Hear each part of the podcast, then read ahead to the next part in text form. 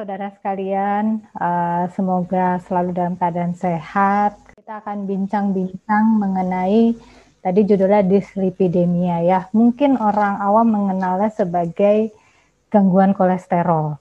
Ya, bagaimana kita tahu? Jadi ya saatnya ya kita harus mengenali ya dan juga bagaimana kalau kita ternyata punya kolesterol, bagaimana untuk menanganinya. Oke, mungkin sebagai pendahuluan kita harus tahu dulu ya Sebenarnya kolesterol itu apa sih?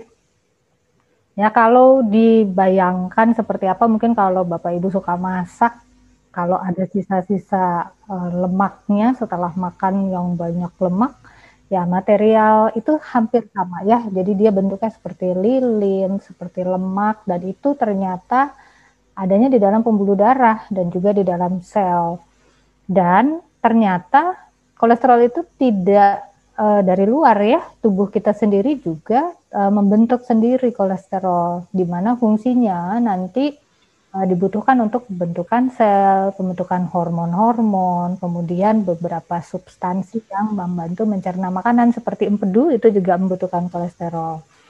Dan selain dari tubuh sendiri, sumber kolesterol yang lain adalah dari makanan yang kita makan. Nah, ini kadang-kadang kan kita suka melakukan medical check up atau dokter melakukan pemeriksaan. Nah, yang mana yang perlu kita lihat?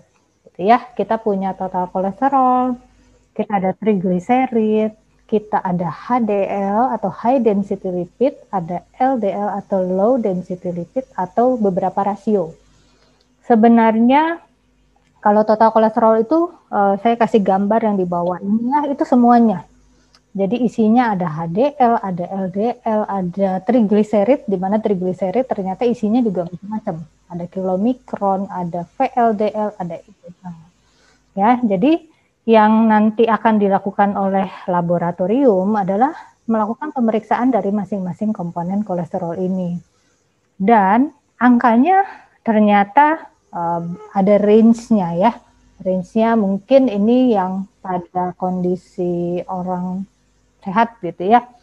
Dengan uh, range kalau pada kolesterol antara 130 sampai 200 yang diinginkan kalau kurang dari 200 kemudian juga kalau TG uh, eh, kita inginnya di bawah 100 ya.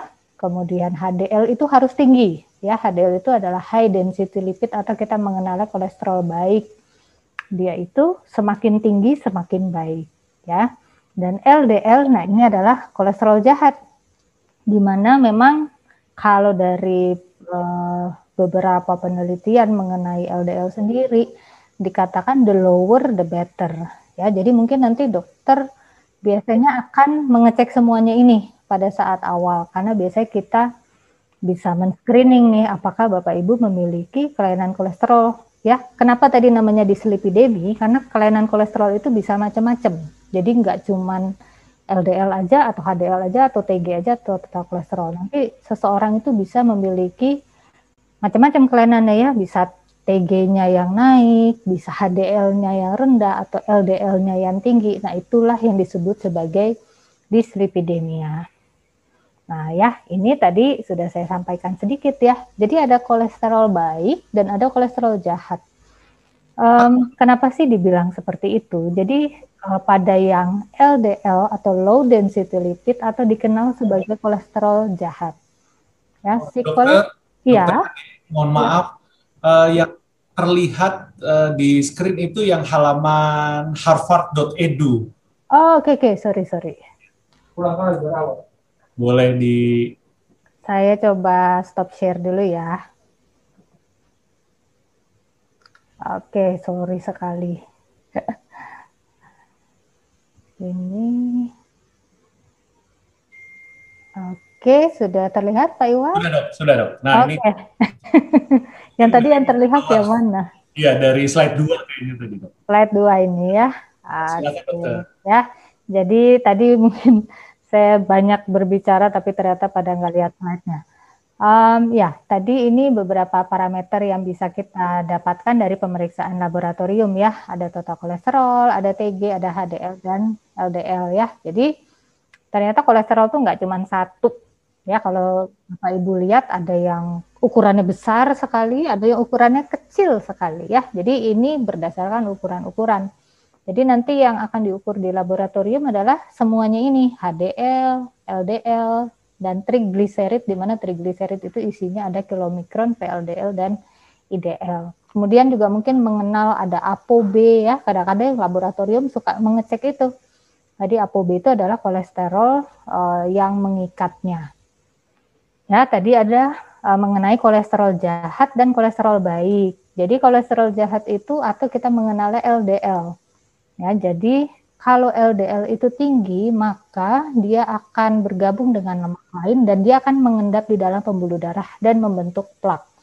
Nah, pembuluh darah ini ada di mana? Kita tahu pembuluh darah itu ada dari kepala sampai ke kaki ya. Jadi artinya dia bisa mengendap di dalam pembuluh darah baik dari kepala jantung ataupun pembuluh darah kaki. Dan kalau dari penelitian, kalau LDL semakin rendah, maka pasiennya akan semakin baik gitu. Nah, sebaliknya HDL itu adalah uh, kolesterol yang baik atau kita bilang high density lipid di mana dia fungsinya adalah membuang si plak-plak yang tadi nempel akibat dari LDL itu. Jadi tadi uh, semakin tinggi HDL maka uh, dia akan semakin baik. Nah, dampaknya apa sih? Ya, apa sih hubungannya antara kolesterol yang tinggi dengan penyakit jantung atau stroke? Ya, bahkan sebenarnya tadi saya bilang kan penyempitan uh, penumpukannya bisa di seluruh pembuluh darah ya, termasuk di pembuluh darah kaki, gitu ya. Nah, uh, lemak yang tadi um, apa ya mungkin dari mak makan, dari pola hidup, dari keturunan atau genetik, sebenarnya dari kita lahir itu sudah ada. Ya, kita lihat ada dekade pertama pada usia 10 tahun, masih anak-anak, udah ada namanya fatty streak. Jadi udah ada lapisan lemak gitu ya.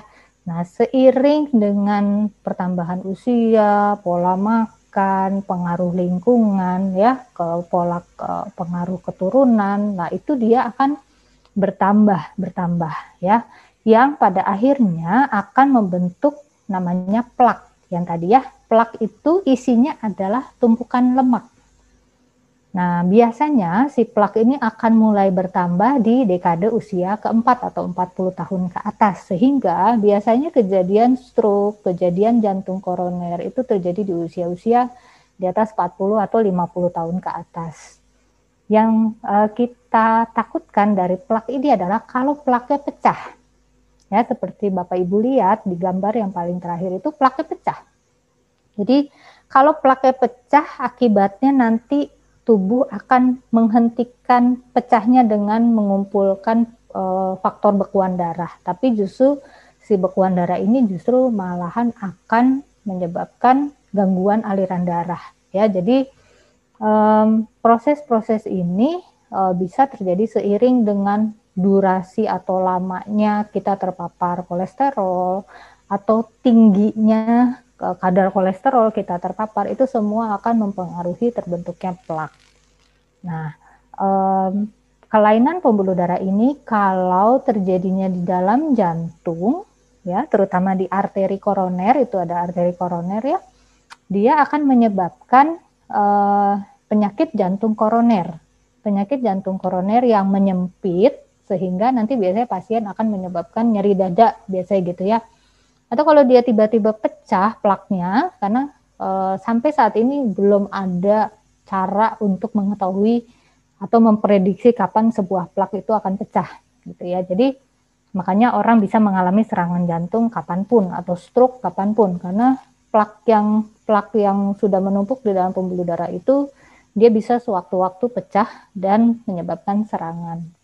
Ya, nah kalau pada kepala biasanya dia juga ada pembuluh darah ya, dia bisa uh, ada penumpukan lemak di pembuluh darah otak dan pada saat pecah dia akan menyebabkan serangan stroke akut. Ya, begitu juga di pembuluh darah kaki. Oke, mungkin pertanyaan Bapak Ibu nih ya, setelah mendengar itu saya ini berisiko nggak sih untuk memiliki penyakit jantung atau stroke?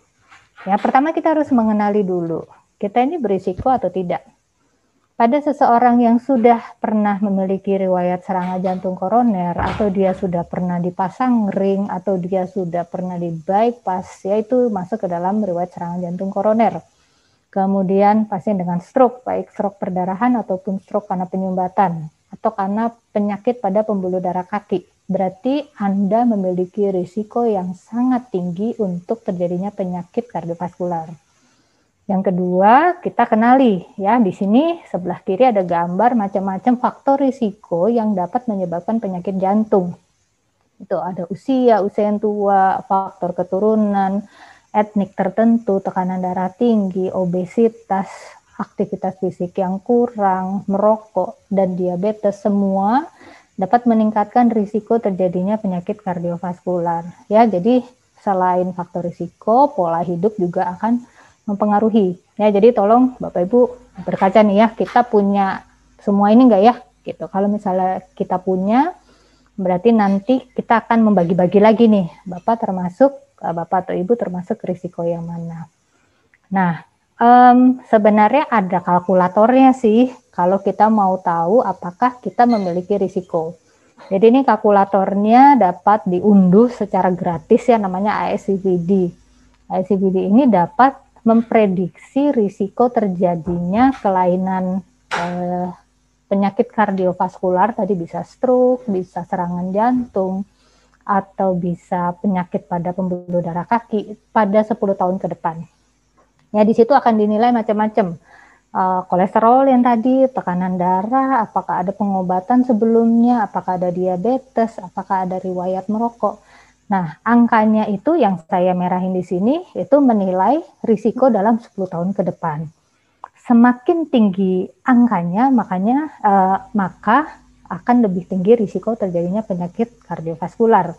Ya, kalau dia di atas 20% maka tinggi, kalau 7,5 sampai 20% sedang, kalau 5 sampai 7,4% dia borderline dan kalau 0 sampai 0,49% itu rendah.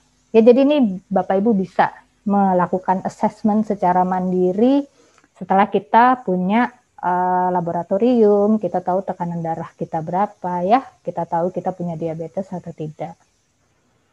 Nah, kenapa sih harus kita bagi-bagi? Kenapa kita harus mengenali kita itu punya faktor risiko apa?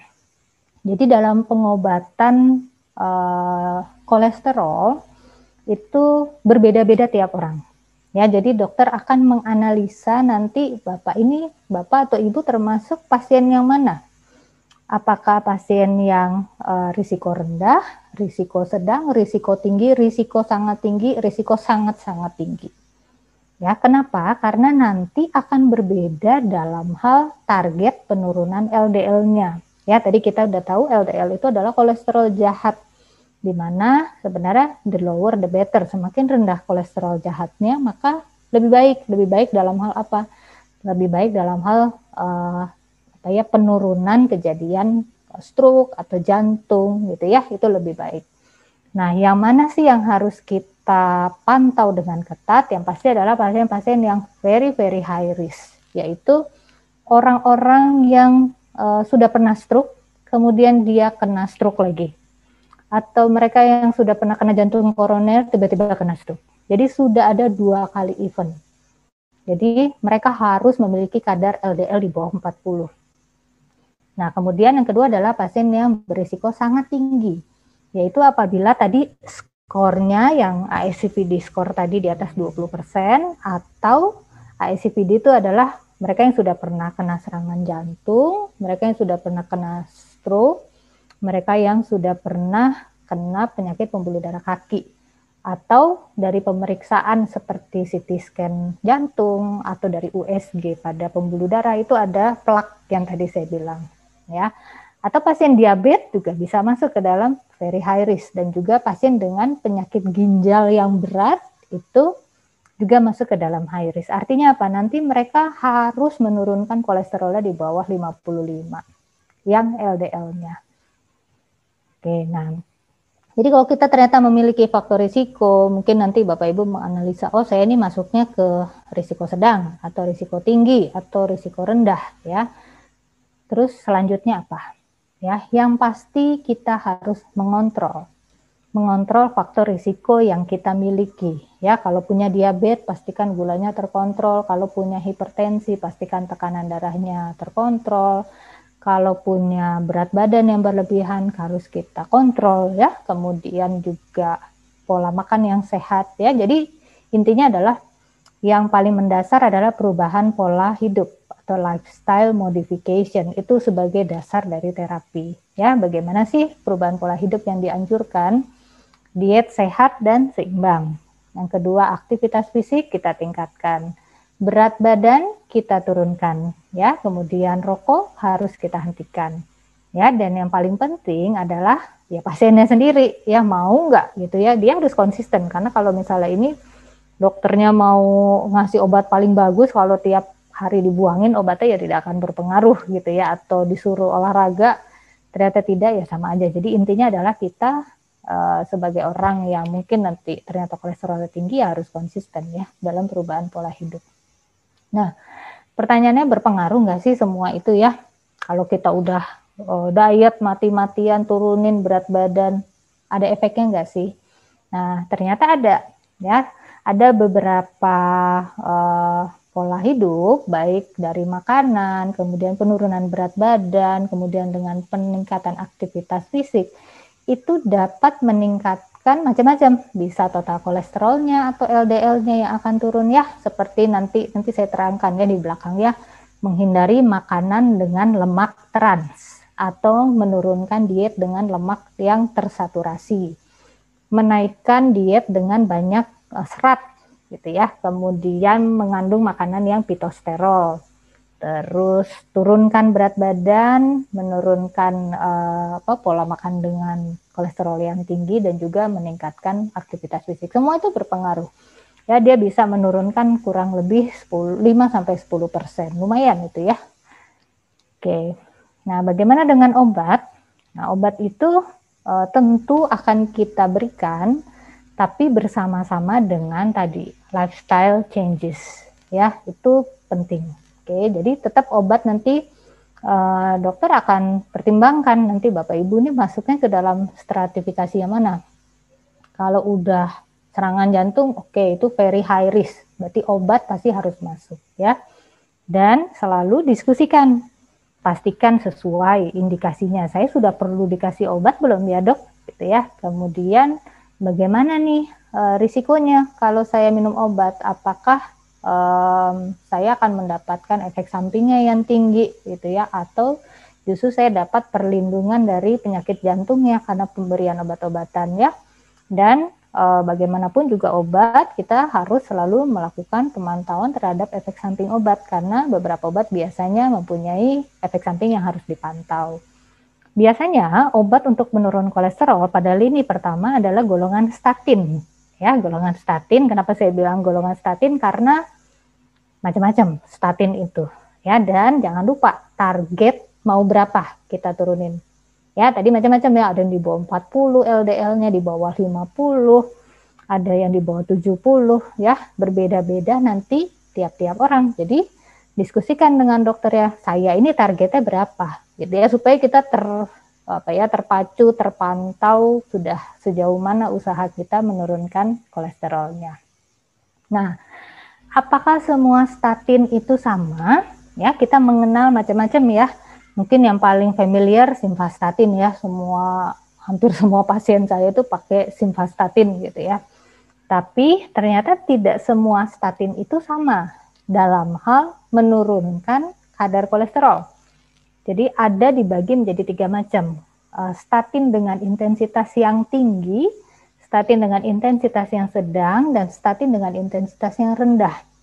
Yang tinggi itu dia dapat menurunkan kolesterolnya lebih dari 50%. Jadi kalau misalnya kolesterol saya 120, saya punya penyakit jantung koroner, saya harus turun di bawah 55, saya pakainya yang high intensity statin karena bisa menurunkan lebih dari 50%. Ya, pilihannya hanya ada dua dengan uh, atorvastatin 40 sampai 80 mg dengan rosuvastatin 20 sampai 40 mg. Bagaimana dengan simvastatin ada nggak? Ada, tapi dia masuknya ke moderate intensity dan low intensity. Ya, kalau yang low artinya dia cuma bisa nurunin kolesterolnya 30%. dengan menggunakan simvastatin 10 mg. Ya, kalau yang lebih tinggi dia bisa menurunkan lebih tinggi lagi. Tetapi simvastatin biasanya nggak boleh terlalu tinggi karena efek sampingnya seperti apa sakit-sakit otot itu bisa lebih tinggi.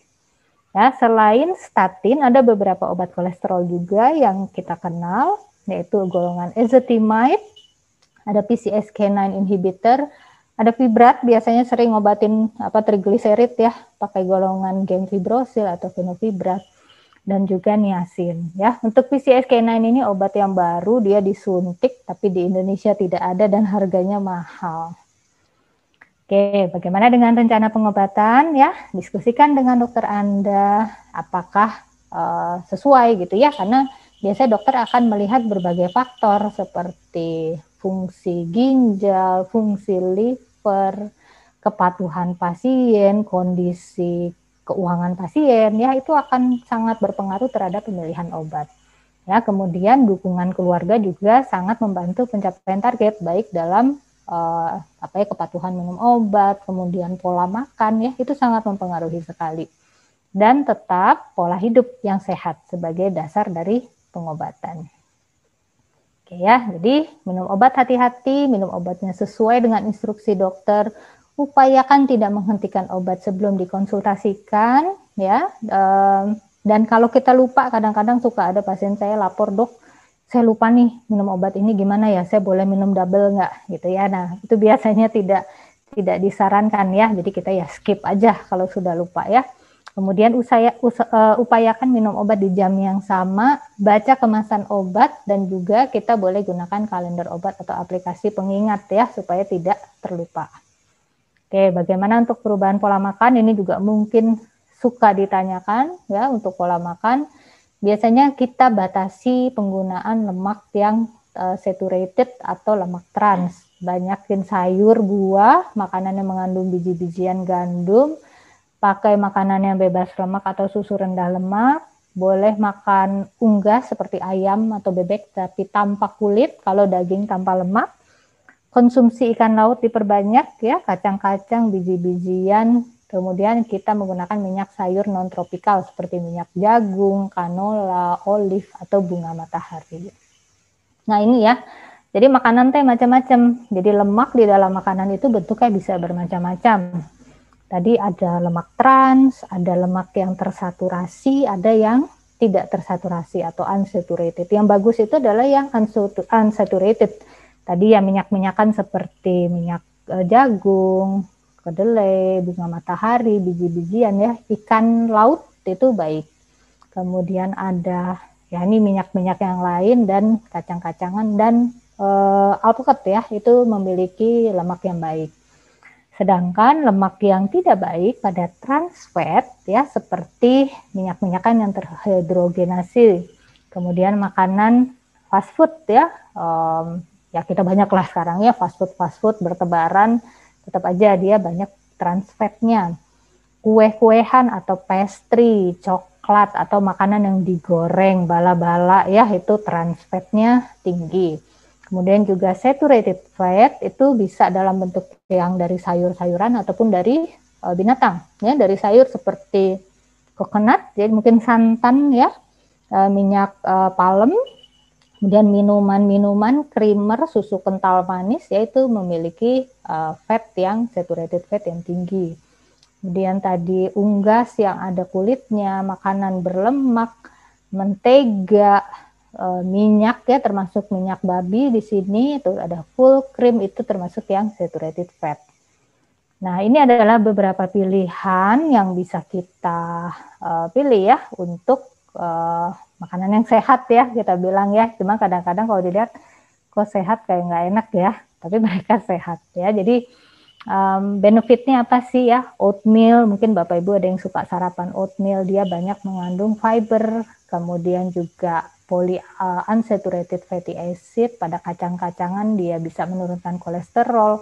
Omega 3 itu juga baik ya, biasa ditemukan pada ikan, ikan laut. Kemudian ya kacang-kacangan, tadi alpukat, garlic itu juga baik. Oke ya, ini trans fat ya, ini memang kelihatannya sangat enak tetapi ternyata tidak baik ya untuk uh, tubuh kita ya seperti margarin, ice cream, cake, biskuit, roti, pastry ya, french fries atau fried chicken atau pizza ya. Karena dia bisa menyebabkan bermacam-macam efek nih. Bisa meningkatkan inflamasi. Inflamasi itu peradangan di dalam tubuh kita ya. Meningkatkan resistensi insulin jadi risiko terjadinya metabolic syndrome atau diabetes ke depannya ya bisa juga menyebabkan masalah jantung, obesitas sentral, peningkatan kolesterol jahat ya, itu juga bisa mempengaruhi uh, uh, akibat dari trans.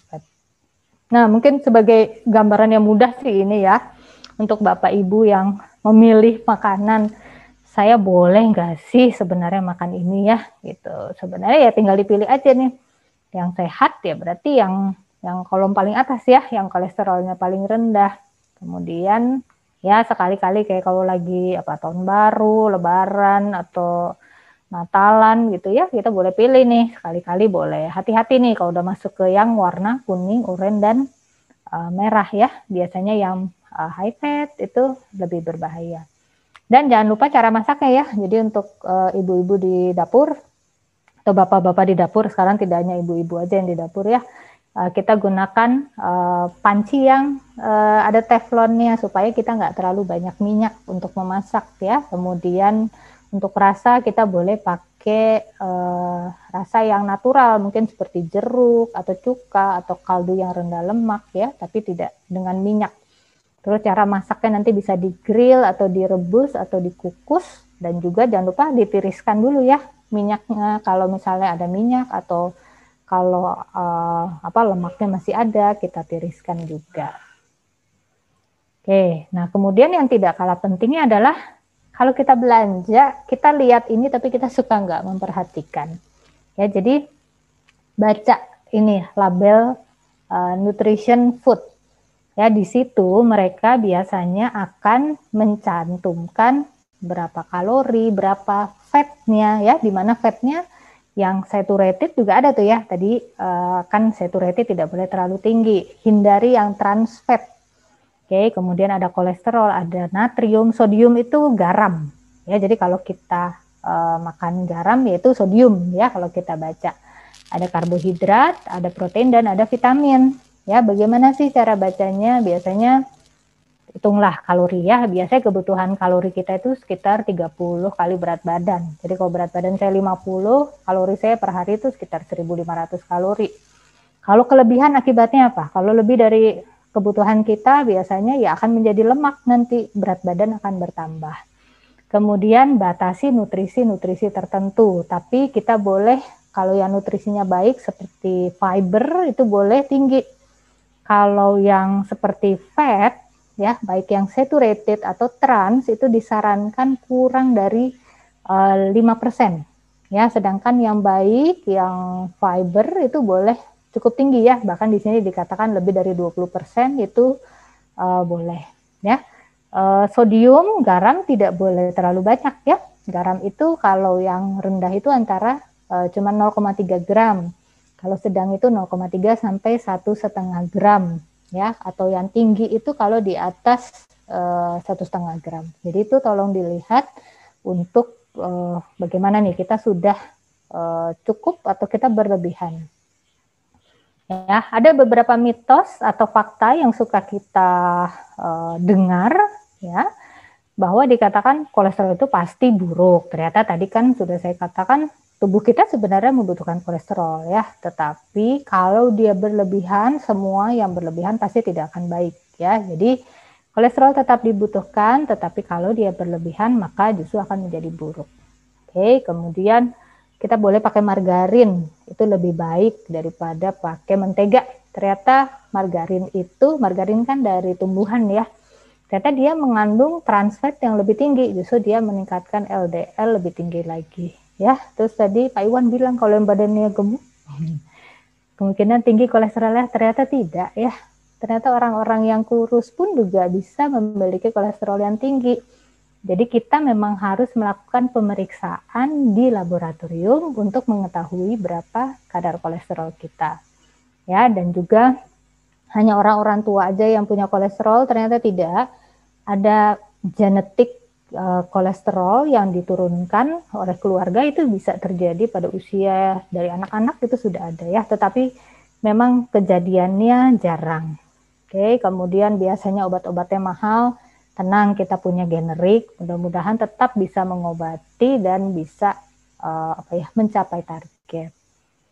Ya, ini mungkin uh, beberapa uh, poin-poin yang ingin saya sampaikan bahwa kita kenali kolesterol kita, uh, kita bisa mendapatkan kolesterol itu baik dari tubuh kita sendiri ataupun dari makanan yang kita makan, ya, bisa ada dari tumbuhan, bisa ada dari uh, binatang, ya. Kemudian tadi ada good kolesterol atau HDL, semakin tinggi semakin baik, ada bad kolesterol atau LDL, semakin rendah semakin baik ya. Ada trigliserid kita juga kenal dan juga ada kolesterol total ya.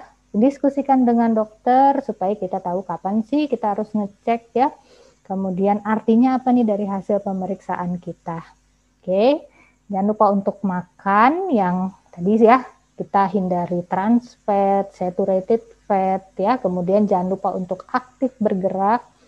Kenali fat-fat yang kita makan ya hentikan merokok dan juga kalau memang harus minum obat ya kita minum obat tetapi tadi ya diskusikan segala risiko kemudian pemantauan efek samping bagaimana memantau sudah mencapai target atau belum ya. Kemudian how to eat better ya berarti kita harus uh, memilih-milih ya. Tadi ada yang disarankan ada yang dibatasi atau bahkan kita hindari. Dan jangan lupa membaca label makanan. Ya, ini label makanan biasanya ada di semua makanan yang uh, kemasan ya, bisa uh, apa yang bentuknya kaleng atau bentuknya uh, di dalam kayak snack gitu ya. Itu semua ada nutrition label.